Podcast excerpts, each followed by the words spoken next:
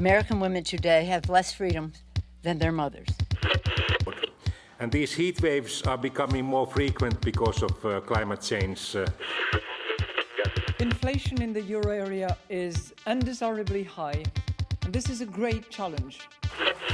Every image is a new discovery, and each will give humanity a view of the universe that we've never seen before. Бойовий досвід і може приєднатися до оборони України, повинен негайно прибути до відповідних центрів. We have had wars with Russia, and we don't want that kind of future for ourselves, for our children. Hasta la vista, baby!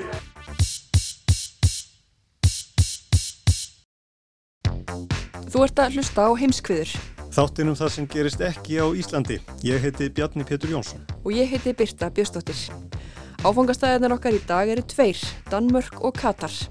Já, Mette Fredriksen, fórsetis á þeirra Danmörkur búða til kostninga á miðjögudaginn. Það hafa verið allskynns væringar í dönskum stjórnmálum undanfarið og alls óvist að Mette Fredriksen haldi áfram. En það verður kosið 1. november. Hallgrimur Indriðarsson ætlar að reyfa þessi mál með aðstóð Boga Ágúrssonar í síðara hluta þáttarins. En við ætlum að byrja í Katar. Are you ready for the World Cup? The cream of the world's players battle for the honor of playing on this arena on this afternoon. Are you ready for all of it? Ready for the biggest sporting event in the world? So let's do it. For 2022 FIFA World Cup in Qatar. Be ready of it. Hér hljómar auðlýsingastikla fyrir heimsmeistaramótið í knatsbyrnu sem hefst í Katar í næsta mánuði. Nána tiltekið sunnudaginn 20. november þegar Ekvator og Katar etja kappi fyrst þeirra 32 liða sem taka þátt í mótun í ár.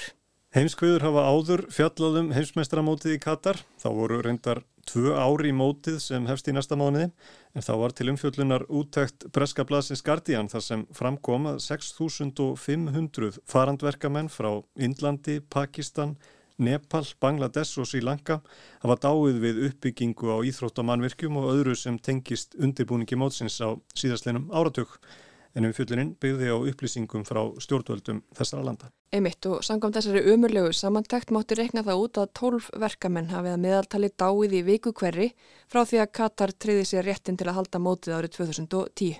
Er það virðist alveg sama hversu mikið hefur verið fjallað um mannreittindabrót stjórnvalda í Katar í aðranda mótsins? Það verður blásið til leiks í hennu tiltölulega litla en afar auðuga landi, Katar. Fyrsta dæmið Katar á Arabíuskaga er ekki gamalt að nafninu til, þó menna við líklega búið þar síðan á steinöld. Katar var sjálfstjórnar svæði 1869 en alla tíð síðan hefur Altani fjölskyldan ráðið þar lögum og lofum og engin breyting í sjónmáli. Katar lísti yfir sjálfstæði frá breytum 1971 en það má segja Katars í einræðis ríki undir stjórn emirsins Sheikh Tamim bin Hamad Al-Thani sem tóku völdum 2013. Fyrst var gengið til þingkostninga í Katar í fyrra en þær voru fyrst og fremst tákgrænar og ætlaðar til að fegra ímyndina í aðdraðanda HM. Þar er ekkert löggefarþing og stjórnmálaflokkar bannaðir en þar situr ráðgjafarþing þar sem allir eru upp á náð og miskun altan í fjölskyldunar komnir. Flestir Katarar aðhyllast íhaldsama tólkun á Íslam og því eru sjarja lög grundvöllur flestra laga. Samkynneið er bönnuð, sem leiðis áfengis og eitulifja neysla Konur verðað hilja bæði axlir og nýje, það er því engir hlýrabólir og engin stutt pils. Þá eru harðar refsingar við kynlífi utan hjónabands, guðlast varðar alltaf sjóra á fangelsi og dauðarefsing við kynvillu hverskonar. En dauðarefsingum hefur endur ekki verið framfyllt í Katar síðan í byrjun aldarinnar. Katar er ríkasta land veraldar með við höfðatölu, en þetta smá ríki býr yfir einu mestu gas og olju öðlindum heims. Það er efst Araparíkja og þróunarlista saminuðu þjóðana og hefur því mikil áhrif í Arapaheiminum. Og þessi völd hafa stjórnvöldi í Katar nýtt sér í æríkari mæli. Þau stuttu uppreysnina í Líbíu, voru helstu bandamenn muslimska bræðralagsins í Egiptalandi og hafa í gegnum tíðina stutt herska á samtök íslamista, meðal annars í Sýrlandi. Emirinn er einn helsti bandamaður bæði bandarækjamanna og breyta í þessum heimsluta og því hefur það verið í forgangi þar lengi að stíga alls ekki á tær emirsins og halda honum góðum hvað sem það kostar.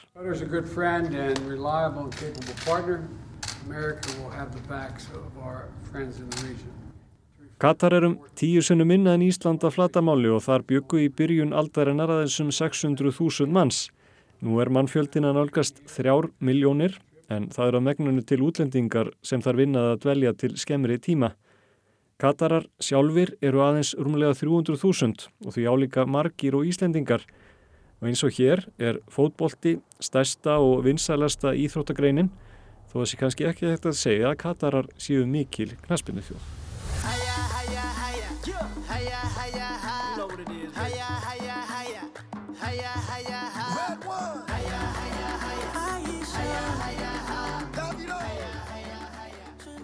Þó Katar sé ekki mikil fótboltaþjóð var það engu að síður tilkynnt með pompi og prakt árið 2010 að þau fengið að halda heimsmeistaramóti í knatsbyrnu árið 2022. Þess að fá mótin útlutað 2010, það eru komin 12 ár síðan og, og það er kosið um á þeim tíma að vera í fyrsta sinn verið að kjósa en tvö heimsmeistramót í einu, sem er 2018 sem rússar fengu og svo 22 sem Katar fekk. Þetta er Þorkell Gunnar Sigurbjörnsson, íþróttafrættamæður. Og það voru, það var byrjið að skrifa fréttir strax í oktober, þetta er sérst mótin útlutað í desember 2010 og þetta eru nefndar menn í FIFA sem kjósa og í, strax í oktober, tveimur mánuðum tæpum áður en að, að þessi atkvæða greiðsla hófst, að, að þá eru strax byrjar að koma fréttir um uh, mútubóð þannig að það lág alveg augum uppi að þegar það er kosið þetta er ekki eitthvað eftir á uh, með þetta mútu dót alls saman heldur var það alveg ljóst frá upphafi og áður en að koma þessu. Þetta eru mjög háar fjárhæðir sem voru bóðunar í, í mútugreislur til, til hátsettra embætismanna innan, innan FIFA og formanna sagt, fyrst og fremst innan eh, sérsambanda, þess að landsamtaka og þeir fóru það nú fremst í flokki eh, Jack Warner og Chuck Blazer frá Trinidad og Tobago og Bandaríkjónum og svo Sepp Blatter frá Sviss sem að fekk á endanum átta ára bann frá fótbolta meðal annars út af, út af þessu með Katar. En, en einhvern veginn einhvern veginn var aldrei ákveðið að hætta neitt við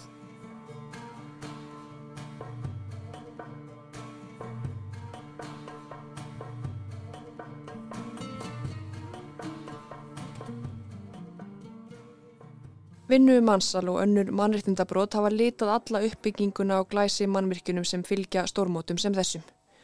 Og það voru ekki bara íþrótahallir heldur allskins innviðir að borðið neðanjarðalesta kerfi sem þurfti að koma upp fyrir mótið. Farandverkamenn frá nærligjandi ríkjum gáttu komið yfir til auðuga nákvæmans, unnið erfiðisvinnu og svo ef vel fór skila sér aftur heim. Heimamenn höfðu lítinn sem engan áhuga á að sveibla hamrið til að taka þátt í þessari gríðar miklu uppbyggingu. Þorkell Gunnar fór til Katar árið 2015 þegar Ísland triði sér þáttökurétt á heimsmeistaramótinu í handbólta.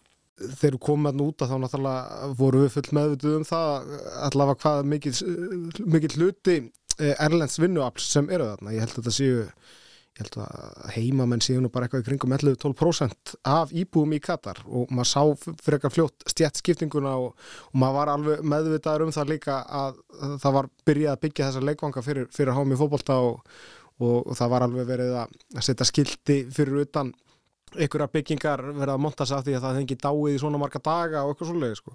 en, en maður vissi náttúrulega ekkert, það var ekkert hægt að sannreina það það stóði yfirleitt engin dáið hérna í, í 300 daga eitthvað það, en veist, ég veit ekkert hvort það var rétt sko. En þeir sem hafa stýrt skipurleggingu heimsmeistaramótsins og allir í þessari uppbyggingu þeir hafa kókraustir sagt komið í heimsókn og sjáu með eigin augum að hér er allt í góðu. I urge you knock on our doors, see what is happening. Þetta saði Hassan al-Thawadi sem er formaður skipulagsnemndar Katar vegna HM fyrir sumar. Þarna hvatti hann blada og fréttamenn til að koma til Katar og kynna sér ástandið sjálfur. Þetta var margir gert, reyndar átt í miklum erfileikum með að komast að verkafólki og fá að ræða við það. Stjórnvöld hafa gengist við því að brotið séu verkafólki en þver neita því að þau séu ábyrg. Heyrum í Mohamed al-Obaidli, vinnumálar á þeirra Katars. Ég er ekki að reyna að gefa í skýna þetta sé borg englana. Hér kemur það fyrir að lög séu brotin.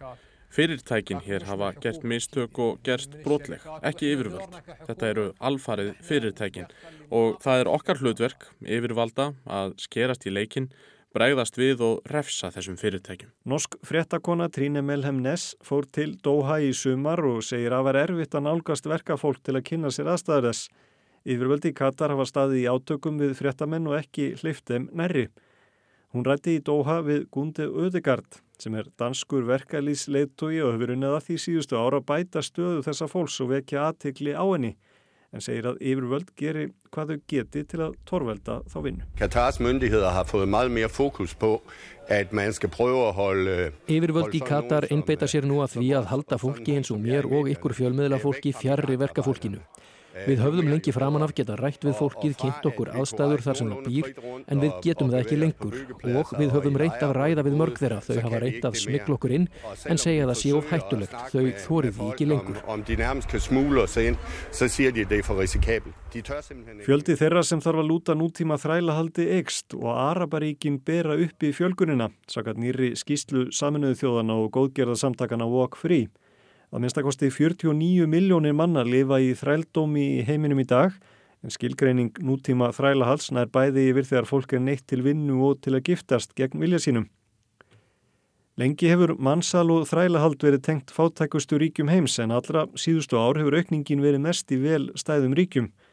Rómlega helmingur tilfella vinnu þrælkunar í fyrra sem vísaðir til í skýslunni var í löndum sem Alþjóðabankin skilgreinir sem vel stæð þar sem laun og kaupmáttur eru í meðalagi eða jafnvel há.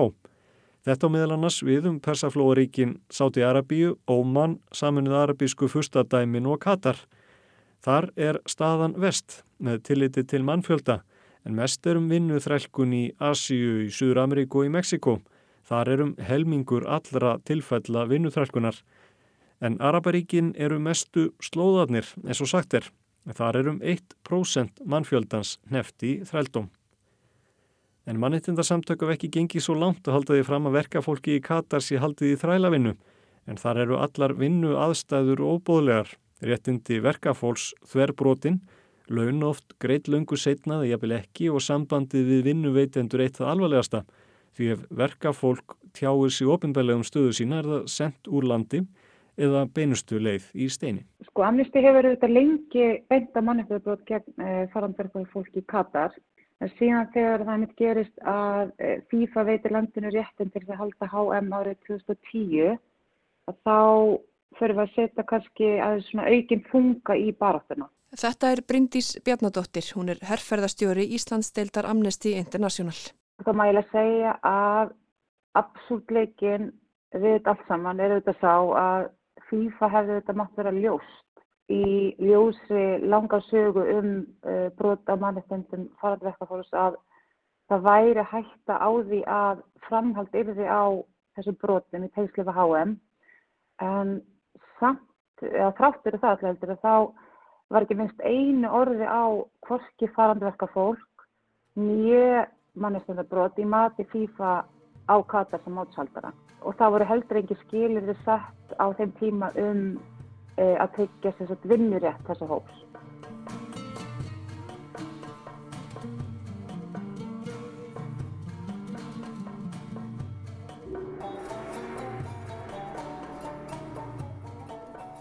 Leikið verður í fimm borgum og átta völlum en þetta er í síðasta sinn sem 32 lið taka þátt á HM. Liðin verður fjölgað í 48 árið 2026 þegar HM verður haldið í bandaríkjunum Kanada og Mexiko. Fjölmarkir spennandi leikir og nóðum að fjalla en eins og áður var nefnt eru stjórnvöldi Katar mjög áframum að opna dittnar fyrir öllum sem vilja koma og þar með talið fjölmjölafólki. Þau leifir nú reynda líklega meira í orði en á borði. Þorkell Gunnar saði með til að mynda frá norskum kollega sínum sem fór til Katar til að fjalla um aðbúnað verkafólks. Hann var fangelsaður, allur búnaðurna skerður upptækur og efninu sem hann hefði tekið upp var öllu eitt. Já, þau sem fara núna utan til að lýsa leikjum og fjallið móti þurfa að skrifa undir yfirlýsingum að heimsmeistaramóti sé það eina sem þau eru að fara að fjalla um í Katar. Einmitt, það var enda saman á teiningum þegar við fórum á heimsmeistaramóti í Rúslandi árið 2018, þá þurftum við að skrifa undir samskonar yfirlýsingu, en eftirliti með því var reyndar ekkert og við gerðum samhliða fókbalta umfyllun fréttir um stöðu hins einn fólks og fleira frá Rúslandi. Og þegar heimsmeistaramóti var haldið í Rúslandi var ekki langt síðan, rússar hafðu innlimað krímskaga og skömmu fyrir mótið var svo eitrað fyrir Sergis Gríbal gjörningur sem tali var fullvíst að stjórnvöldi í Rúslandi hefði haft fingurna í.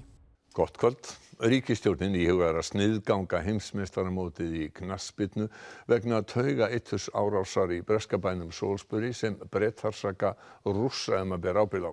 Einhverju ráðamenn mættu ekki á HM vegna þessa og staða samkynheðra til umræðu þá eins og þegar rússar heldu vetrar olimpíuleikana í Sochi.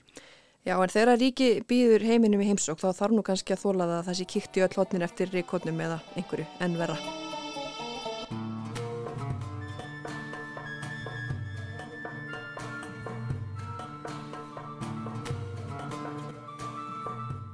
Orðið sportswashing eða íþróttaþvætti skýtur æg oftar upp kollinum og ás og sannarlega við um heimsmeistaramótið í Katar en þetta huttak hefur verið sífælt meira í umræðinni undanfærin misseri.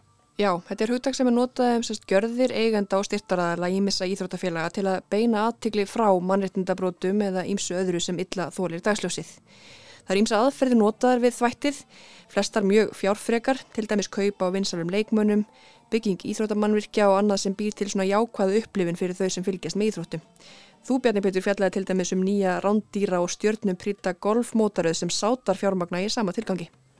Já, við vetur settu sátar nýja mótaröð, PGA mótaröðinni til höfus sem er kallað LIF. Hún er fjármögnuða, fjárfestingasjóði Sátiarabíu og talið eða nánast vísta fjármagnið sem sett var í að koma inn á koppin síðan 3 miljardar bandrækjadala. Margir af bestu kynlingum heims sem var samið við sátana og fá fólkur fjár í vasan fyrir. Já, flenni stórar keppnishattinnar sem hafa risið í Katar síðustu ár til að halda eitt stærsta íþróttamót heims eru einnig hluti af þessu. Það er svona oft talað um sem allavega gott dæmi sem eitt af þeim fyrstu hafi verið sumarolimpíuleikandir í Berlín 1936 sem hann bara verið kallaðir Hitlers leikarnir því að þar var öllu tjálta til, gríðarlega flottir leikar en þar voru nazistarnir bara með hálfgjörða skrautsinn í guða sína bara úr, úr hverju þeir voru gerðir og, og hvers, hversu flott væri allt í Þýskalandi og, og, og hvað þjóðverjar væri öflugir.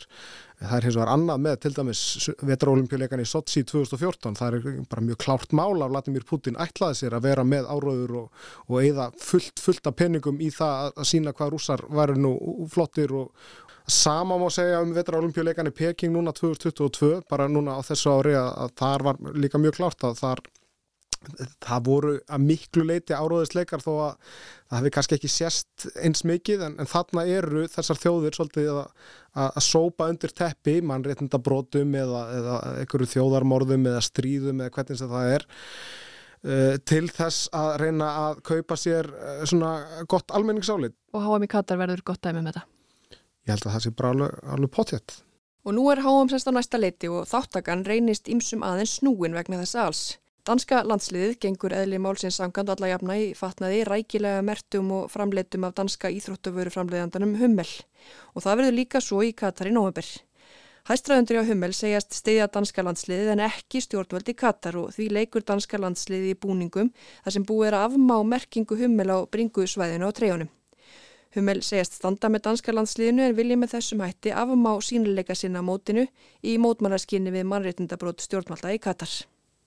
Já, og svo ætla stjórnvöldi í París og fleiri frönskum borgum ekki að standa fyrir síningum á leikjum mótsins á Rísa skjám í mótmannaskinni. Þetta er bara alltaf sent í rassen grip og þetta er bara fyrst og fremst bara til málamynda til að segja að við gerðum eitthvað. Bryndís hjá Amnesty líkir baráttunni við langklaup frekar en skemmtiskokk og segir ímislegt að var áunist á þessum 12 árum frá því að Katar tríði sér réttin til að halda mótið vinsala. Til að mynda það gerður stjórnvöldi í Katar samkomiðlega við e, vinnumálastofnunina um að benda enda á brot á vinnurétti og misbyttingu og faranverka fólki í samræmi við alþjóðli viðmið slíka rétt og í því samingi það gerður stjórn, stjórn að líka stóðtaka breytingar á vinnulöggefinni. Um, Katar er fyrsta landa þessu sláðum til þess að betur bæta þessu svo kvöldlega vinnulöggef sem er auðvitað skref í, í rétta átt. Skref í rétta átt, já, en Bryndís bendir á að þó þess að lagabreitingar hafi sannlega verið samþygtar þá séu þeir ekki enn komnar til framkvæmta.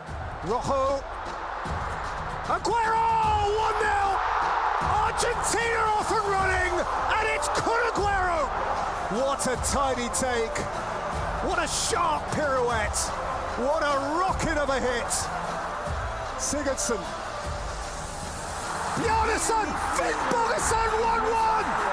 Alfred Finn Bogason with Iceland's maiden World Cup goal! And the dream lives on! It is France. It will be some can-can on the Champs-Élysées tonight. France are the champions of the world. Smá þú þarna, þarna heyrðum við af afregum franska liðsins og þessi íslenska á HM í Rúslandi síðast árið 2018. Og það getur um eitt verið flókið fyrir íþrótafréttamenn að fjalla um móta þessu tægi.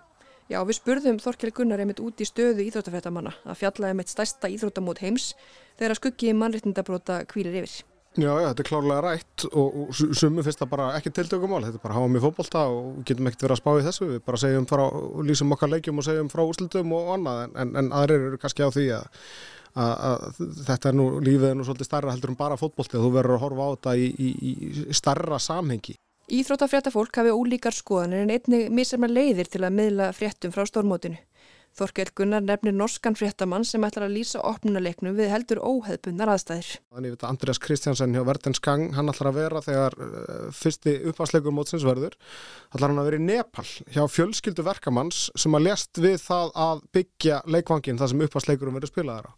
Þannig að þjóður eins og, og Norröður ætla að vera alveg að innprenta þetta í í sitt fólk allavega og meðan mótunni stendur sérstaklega meðan það hefst hver fórna kostnæðurinn er við það að halda þetta mót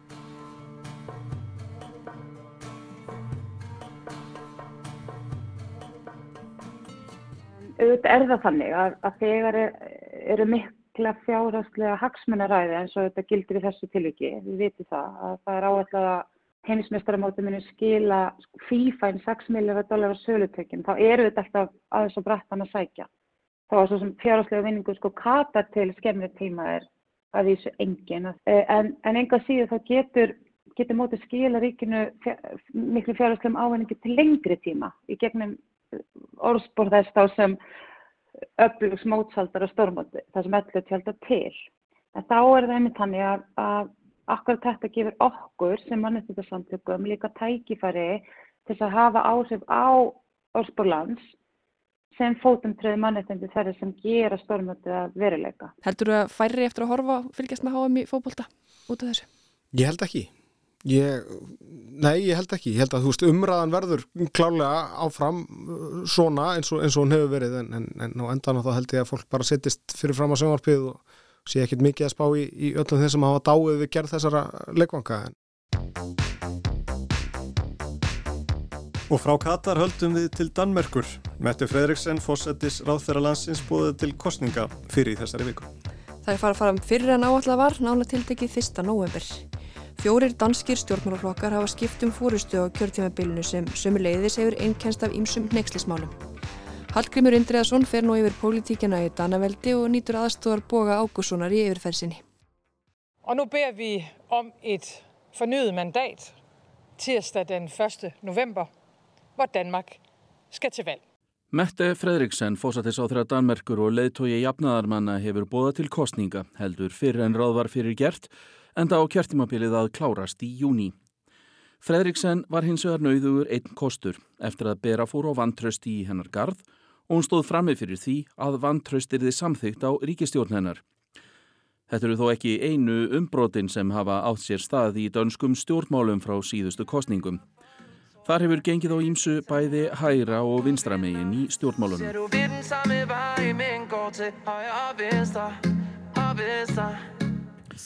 Áður en fariði nánar út í þá sálma er rétt að útskýra þessa flokka eða blokka skipan. Eins og í Noregi og Svíþjóð eru hægri og vinstri blokkir í dönskum stjórnmálum. Í rauðu eða vinstri blokkinni eru jafnaðarmenn, sosialíski þjóðarflokkurinn, rauðgræna bandalagið, radikali venstre og alternatívet. Í þeirri bláu, hægri blokkinni, eru venstre, sem er hægri flokkur þrátt fyrir nafnið, danski þjóðarflokkurinn, íhaldsflokkurinn, frjálslindir og nýji borgaralegi flokkurinn. Tveir nýjir flokkar hafa bæst við þá blokk á síðustu tveimur árum. Danmerkur Demokrater, flokkur sem Inger Stauberg fyrirverandi ráþæra fyrir venstre stopnaði í júni á þessu ári og Moderaterne sem Lars Lökke Rasmussen fyrirverandi fósættisráþæra og formaður venstre stopnaði í ágúst í fyrra nánarum þessa flokka síðar, en eins og þessi upptalning ber með sér hefur dönskum stjórnmálaflokkum fjölgað drjúkt. Det er selvfølgelig med rigtig stor glæde, at øh, vi øh, efter øh, omkring tre ugers forhandlinger øh, nu kan meddele, at der er flertal for, at der kan dannes en ny regering i Danmark. Derfor... Mette Fredriksen varð fósættisáþurra Danmerkur að loknum kostningum í júni 2019 eftir sigur jafnaðarmanna og fylgistap danska þjóðarflokksins. Hún var þar með yngsti fósættisáþurran í sögu Danmerkur, 42 ára. Jafnaðar menn setja einir í ríkistjórn en njóta stuðnings annara flokka í rauðublokkinni. Fredriksen let fyrsta sér hveða á alþjóða vettvangi í ennbættinu í ágúst sama ár þegar hún hafnaði alfarið hugmyndum Donald Trump þáverandi bandaríkjafósita um að kaupa Grænland, saði þær reyndar fáránlegar. Trump hætti fyrir viki við fyrirhugaða ofinbæra heimsók til Danmerkur. I thought that the Prime Minister's statement that it was absurd, that was a, it was an absurd idea, was nasty. I thought it was an inappropriate statement. Trump saði meiri segja að umælinn hefðu verið ílkvittin. Þjóðin virtist kæra sig kollótaðum þá skoðun. Fredriksen leiti síðan viðbröð stjórnvalda við heimsfaraldrinum sem þóttu að mestu takast vel nema að einu mjög stóru leiti, nánarum það á eftir.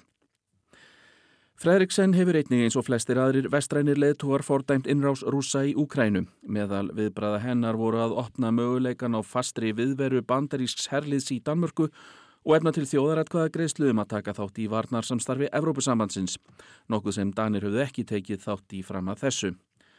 Danska þjóðin samþykti það með yfirgnæfandi meiri hluta. Vi fik en valgmulighed med udskrivelsen af den her folkeafstemning. Øh, og jeg synes, vi har valgt rigtigt. Vi har placeret os endnu tættere sammen med vores naboer og vores allierede. Og det gør mig, det gør mig stolt. Også... Mette Fredriksen saði að Danir hefðu þarna fengið valmöguleika. Þeir hefðu valið rétt og hún væri stolt af því. En hún saði líka að Danir hefðu þarna staðið betur saman með Evrópu en áður og hún væri ekki síður ánað með það. En þrátt fyrir tal Fredriksennum samstöðu þjóðarinnar hafa á þessu kjörtímabili verið ímsar væringar innan margra stjórnmálaflokka í Danmörku hjá báðum blokkunum. Partur af skýringunni er svona vandræði leittóa, persónu vandræði leittóa, partur af skýringunni er eh, heimsfarsóttin og eh, viðbröð dönsku ríkistjórnarina, sérstaklega minkamálunu þannig að það, það er í rauninni marga skýringar á því. Þetta er Bóji Ágússon, fréttamaður sem hefur lengi fylst með dönskum stjórnmálum og eins og hann segir geta skýringarnar verið ólíkar eftir flokkum. Byrjum á hærivægnum. Þar hefur kjörtímabilið engum verið stormasamt fyrir stærsta flokkin á þeim væng, venstri. Lars Lökke Rasmussen hafði á árunum 2015 til 19 verið forsættisáðura sem leittói venstri. Sáflokkur bætti við sig fylgi í kostningunum 2019. Så kære venner, vi har fået et fantastisk flot valg. Men øh, magten skifter. Í ræðusinni vísaði Rasmussen hins vegar í að vegna taps annara flokka í bláu blokkinni yrðu valdaskipti og því misti hann þeirra ennbættið. Fljótlega eftir kostningar komuð upp deilur milli Rasmussen og þáverandi varafórmans Kristjáns Jensen eftir að sá síðanemdi hafnaði ofinberlega tillögu formansins um að reyndir þið að mynda ríkistjórn með jafnaðarmönnum, þá þvert á blokkir. Og jeg ønsker ikke, at min person skal stå i vejen for Venstres fremgang, og derfor meddelt hovedbestyrelsen, at jeg selvfølgelig også på det ekstraordinære landsmøde trækker mig som næstformand. Hér heyrum við Kristján Jensen tilkynna þá ákvörðun að segja af sér sem varaformaður í lok ágúst 2019 og Lars Lökke Rasmussen sagði einnig af sér skömmu síðar. Jakob Ellemann Jensen tók við formannsstarfinu en hann er sonur Uffe Ellemann Jensen sem var formaður venstri í 14 ár undir lok síðustu aldar. Hann sýtur í rauninni eftir með svona flokk sem að er svona bara valla svipur hjá sjón. Svona 10-11% spáð fylgi og uh, íhjálpsflokkurinn farinn fram úr honum á hægri vengnum. Lars Lökke sagði sig úr venstri í lok ást 2020 og stopnaði svo Moderaterni í kjölfarið. Og það kvartnaðist meira úr venstri. Skömmu fyrir jólinn 2020 kom út skýrslaðum að Inger Stauberg, sem þá var varaformaður venstri, hefði þegar hún var ráþæra innflytjandamála árið 2016 brotið lög þegar hún skipaði svo fyrir að aðskilja eitti pör meðal hælisleitenda þegar annar aðilinn væri undir lögaldri í þeim tilgangi að spórna gegn barnagiftingum. Stauberg hætti í kjálfarið sem varaformaður að beðni formansins og hætti svo skömmu síðar í floknum. Jeg tror ikke, at Jakob Ellemann kan blive statsminister i Danmark, og det tror jeg ikke. Hún gaggrindi Jakob Ellemann Jensen, saði hann ekki geta verið fósattis á þeirra og sagði síðan að það hefði aldrei verið jafn slengt samband millir flokkana í bláublokkinni allan þann tíma sem hún hefði verið á þingi. Eftir réttarhöld dæmdi danski landstómurinn Stauberg í 60 daga fangelsi í desember í fyrra.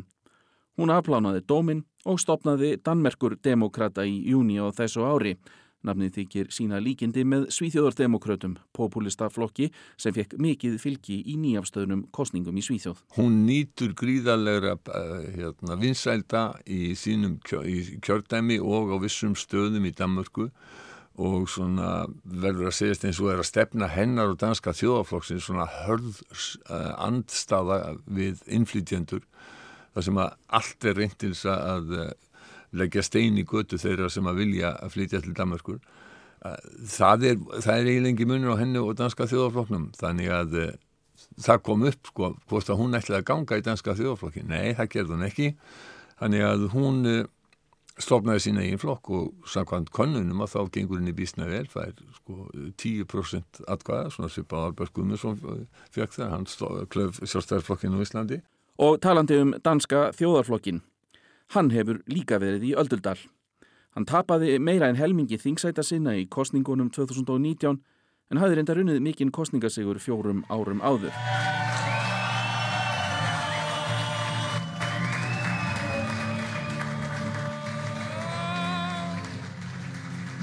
Kristján Túlesen Dahl, leðtogi flokksins, brast í söng eftir fylgistapið og söng lag Jerry and the Pacemakers You'll Never Walk Alone sem fókbóltafélagið Liverpool hefur tekið upp á sína arma. Þrátt fyrir þessa kvartningu saði Dahl af sér sem leðtogi flokksins í byrjun þessa árs, eftir tíu ár sem leðtogi, og við tók Morten Messerschmidt. Hann hefur verið umdeltur og skömmu eftir að hann tók við yfirgáfu tíu þingmenn flokkin og hafa nokkrir þeirra gengið til liðs við Danmerkur demokrata Ingerar Stauberg. Nú er hætta á að þjóðarflokkurinn falli út af þingi. Í sögumar tilkynnti svo Sören Pape Pólsen, leðtogi íhaldsflokksins að hann sektist eftir að verða þeirra. Einbæti sem nánast alltaf hefur tilhert venstri þegar hæri flokkarnir hafa verið við völdi í Danmörku. En síðan þá hefur síð á ógæfulliðina hjá Pólsen. Sambílismæður hans reyndist ekki náfrændi fórsetta dominíska líðvildisins eins og þeir höfðu haldið fram. Hann reyndist ekki gýðingur eins og þeir höfðu haldið fram og Sören Pape Pólsen hafði sömu leiðis þegar hann var dómsmálar á þeirra uh, átt uh, viðræður við yfirvöld og ríkistjórn í dominíska liðvildinu án þess að gera dönskum stjórnvöldum og utanrikiðsraðunitinu grein fyrir því eins og skilda er í Danmarku. Þannig að það hefur eitt og annað fallið á hann og um, personum vinsældir hans hafa dvínað mjög og flokkurinn sem var orðin, já, talsveit eh, stærri en venstri eh, hann, eh, hann hefur dalat aldrei í skoðanakonunum. En það hefur líka verið umróti í vinstriblokkinni síðustu mánuði. Snemma á kjörtímabilinu var skiptum leðtoga í Alternatívet, flokki sem þrátt fyrir að vera í vinstriblokkinni, hafði ekki stutt Mette Fredriksen sem fósatisáðura. Uffe Elbeck, sem hafði verið leðtogi flokksins frá stopnun hans 2013, hætti og Jósefín Fokk var kjörinn nýr leðtogi í ársbyrjun 2020. Það er afgivet í alt 1604 stemmer. Jósefíne. Fljótlega komum fram í fjölmiðlun ásakanir um að Jósefín Fokk hefði öskrað og jafnvel hrist fólk meðan hún satt á þingi og við það var algjör upplausn í flokknum. Fjórir þingmenn, þar á meðal Uffe Elbeck stopnandi flokksins, yfirgáðaðan. Elbeck stopnaði nýjan flokk, Fríi Grönne eða Sjálfstæða Græningja. Jósefín Fokk sagði af sér sem leðtogi í lokást 2020 og Franziska Rosenkille tók við. Á tímabili var aðeins einn þingmannanna sem var kjörin á þingfyrir Alternatífi 2019 en þá í floknum. Ennum miðjan september tilkynnti Elbeck að hann endi aftur ganga til liðs við Alternatífet.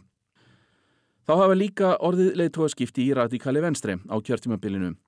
Morten Östergård sagði af sér sem formaður í oktober 2020 eftir að ásakanir komið innan úr floknum um kynferðislega áreitni af hans hálfu. Sofí Karstin Nílsen sem er nýrforman henni ekki tekist að koma floknum á, á, á, á neitt uh, flug. Það hafa sem sagt fjórir flokkar skiptum leðtoga á þessu kjörtímabili en það hefur líka staðið styr um fósættisáþurann Mette Fredriksen. Það kom til dælega að snemma í ljós að Mette Fredriksen er ekkit mikið fyrir að delegera, deila uh, völdum. Og hún hefur sapnað gríðarlega miklu af völdum í sínar hendur. Og uh, hún í upphafi vildi ekkert um, hafa með uh, stuðningsflokka jafnaðamanna og þannig að, þannig að hún hefur svona tekið allar megin áttar ákvarðanir. Og að öllum líkindum er það hennar ákvörðun að látra slátra lóa öllum minkastofnum í Danmörku. Þeir sem vilja rifja það mál betur upp geta fundið heimskviðu þáttinn frá því 4. desember 2020 þar sem farið var ítalega í málið. En í stöttumáli þá ákvað Fredriksen í november 2020 eftir að COVID-19 smitt var farið að breyðast út meðal minka að öllum minkum erði lóað til að hefta út breysluna. Síðar kom í ljós að sex ráþerar höfðu verið varaðir við að ákvörðunin væri ólögleg og breyti í báa við stjórnarskrána. Það var einmitt niðurstaða skýrslu sem óháð rannsóknarnend skilaði í sömar. En þó kom fram að Fredriksen hefði ekki vitað á þeim tíma að ákvörðunin væri ólögleg. Hún komst upp með þetta lengi með því að kenna Móins Jensen sem þá var landbúnaðar á þeirra um þetta og hún hendi honum fyrir eh, strætisvagnin eins og uh, Danir hafa tekið upp það orðalag eftir englendingum Eh, þess að hún fórnaði honum bakari var hengtu fyrir smið en svo kom nú í ljós í, í, í þessari nýðustuður rannsóðan nefndarinnar að Jensen átti nú, hafði nú ekki alveg reynd uh, mjöl í, hérna í pókanum þannig að hann kannski átti skilja að fara en það er margir og, og, og, og margir sem að vilja að Metti Jensen nefn Metti Freyrisson, hún verði dregin fyrir rétt fyrir, eh, fyrir hérna landstóm alveg eins og uh, Inge Stauberg fyrirverandi ráþeira og varaformaður vinstri. Þingið ákvaða að setja málið ekki í lögfræðimeðferð sem er undanfæri ákæru fyrir danska landstómin fyrir ennbættisafglöp. Fredriksen fjekk eins og þar áminningu frá þinginu fyrir hvernig hún hjælta á málinu. Sofía Karsten Nílsen, formaður radikali venstre, setti afarkosti. Ef Fredriksen bóðaði ekki til kostninga fyrir 4. oktober þegar þingið átti að koma saman, myndi hún leggja fram vantrösttilugu á ríkistjórnina. Vi kommer ikke til at løse store øh, politiske udfordringer, klimakrise, trivselskrise, velfærdskrise. Hvis ikke vi får... Nílsen saði að það væri rétt að gefa dönum tækifæri til að halda kostningar til að þeir getu ákveðið hvernig ætti að leysa úr þeim margvíslegu vandamálum sem stjórnvöld stæðu framifyrir, ekki síst lofslags og orkumál. Nílsen tók það þó alltaf fram að hún vildi hafa Mette Fredriksen áfram sem fósatisáþurra. Síðan þessi ákvörðun var tilkynnt hefur fylgi við radikali venstri í skoðanakonunum mingað töluvert. En nú er búið að bóða til kostninga. Bóji segir engin stór deilumál í gangi fyrir þessa kostningar, samstaða séum varnarmál og aðeins hefbundin skoðanaágreiningur um ríkisfjármál. En viðbúið sé að Ímis, nexlismál kjörtímabilsins verði mikið í umræðinni. Ég eh, gerir fastlega ráð fyrir því að, að mingamálið er eftir að eh, vera talsvert til umræðu og auðvita fullt af öðrum einstökum málum sem hafa komið upp. Það eru mjög mörg vandræðamál sem hafa komið upp tengd ríkistjórnini eins og til dæmis þetta nixli í liðnþjónustu hersins þar sem að nú er búið að ákæra fyrirvændi yfirmann liðnþjónustunar fyrir að hafa lekið upplýsingum og það vegna þess að hann hérna, talaði við og staðfesti hérna, við, við bladaminn og mér er síðan einn í, í og þungavíkta maður í venstri er í sömu stöðu að hann, hann gæti átt yfir sér, yfir sér ákæru vegna þess að hann staðfesti í viðtali að einhverja fréttir væri réttar. Og Þannig að það er, það er nóg af svona málum í Danmörku sem að hægt er að, að, að hérna, tala um og efalíti verður talsveit mikið um í kostningabrotinu. Ég held að það verður gaman að fylgjast með kostningabrotinu í Danmörku. Samkvæmt skoðanakonunum er lítill munur á hæri og vinstri blokkunum. Bóji segir úslittin geta farið eftir því hvernig leiðtógum venstri og íhalsflokksins takist upp. Þeir sækjast báðir eftir fórsættisáþæra ennbættinu ef hæri blokkin nær meirilhuta. En það hvernig ríkistjórn verður mynduð eftir kostningar getur ráðist á fleiri þáttum. Við gætum komist í þá stöðu sem að hefur stöku sinu komið upp í dönskum stjórnmálum að það verði þingmenn færi og grænlands sem að getur ráðið úslitum um, um hvaða stjórn í hérna ríkir í Danmarku. Þeim er megin ítla við það, bæði færingum og grænlendingum, þeir hafa sagt að þeim, þeim er megin ítla við það að vera að blanda sig með þeim hætti beint í, í, dansk stjórnmál en nú náttúrulega vitum ekki hverju verða kostnir þar. Ég held þó að það sé miklu líkleira að það verði Laslökk Rasmussen sem að verði e, sá sem að ræður hvort það verður stjórn til hægri eða vinstri um, því að það, já allavega eins og staðin núna, þá virðist vera það það mjótt á mununum á milli hægri og vinstri að, að það verði lastlökku sem, sem að ræður þessu. Þá er ekki fleira í þættinum á þessu sinni. Við verðum hér aftur á sama tíma í næstu viku. Takk fyrir að hlusta. Verðið sæl.